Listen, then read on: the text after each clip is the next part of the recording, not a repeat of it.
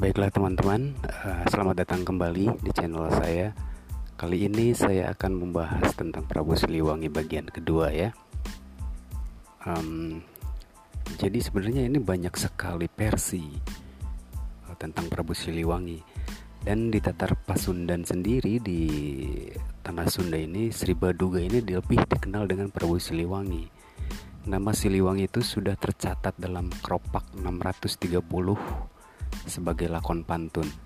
Nah, naskah itu ditulis pada tahun 1518 ketika Sri Baduga masih hidup. Dan lakon Prabu Siliwangi dalam berbagai versinya berintikan kisah tokoh ini menjadi raja di Pakuan. Peristiwa itu dari segi sejarah berarti saat Sri Baduga mempunyai kekuasaan yang sama besarnya dengan Niskala Wastu Kancana atau uh, akinya ya eh sorry kakeknya menurut tradisi lama orang segan atau tidak boleh menyebut gelar raja yang sesungguhnya. Maka juru pantun mempopulerkan sebutan Siliwangi. Nah dengan nama itulah dikenal dalam literatur literatur literatur berlepotan amat ngomong literatur. Literatur Sunda. Uh, dan arti nama Siliwangi itu sebenarnya berasal dari kata silih dan wawangi, artinya pengganti Prabu Wangi. Nah, tentang hal itu, uh, Pustaka Rajia Rajia Satu Bumi Nusantara uh, dua mengungkapkan bahwa orang Sunda menganggap Sri Baduga sebagai pengganti Prabu Wangi, sebagai silih yang telah hilang. Naskahnya ini aku artiin aja ya uh, dalam bahasa Indonesia.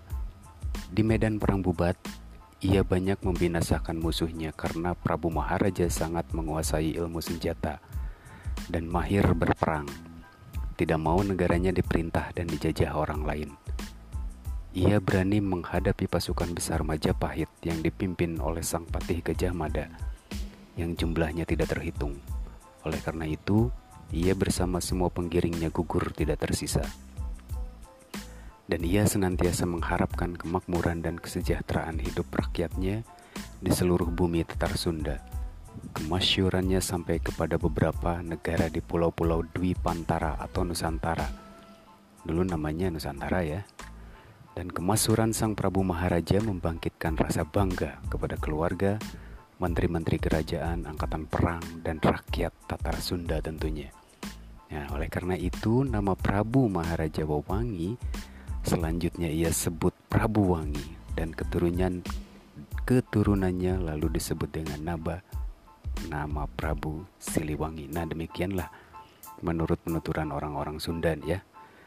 Jadi kalau untuk lebih jelasnya dan pengen tahu tentang sejarah tentang Prabu Siliwangi, alangkah lebih baiknya jika uh, anda-anda ini ngobrol dengan para pupuhu kalau kata orang Sunda ya pupuhu atau inohong orang Sunda karena masih banyak ternyata orang-orang Sunda yang uh, tahu tentang sejarah Prabu Siliwangi.